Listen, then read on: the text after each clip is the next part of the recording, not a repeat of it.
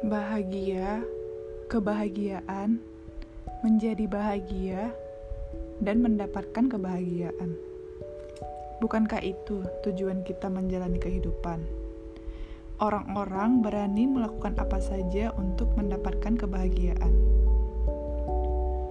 Setiap cerita akan mendapatkan akhir yang bahagia.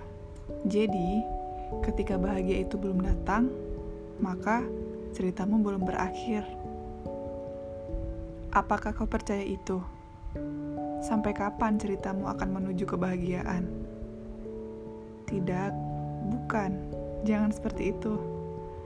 Setiap langkah yang kau ambil, setiap waktu yang kau jalani, di sana selalu terselip sebuah kebahagiaan.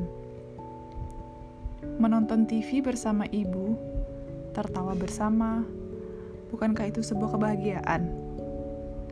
Berkumpul bersama teman-teman, saling melempar lelucon sederhana, kemudian tertawa. Mengetahui bahwa pagi ini kau terbangun dalam keadaan sehat, itu juga kebahagiaan, bukan?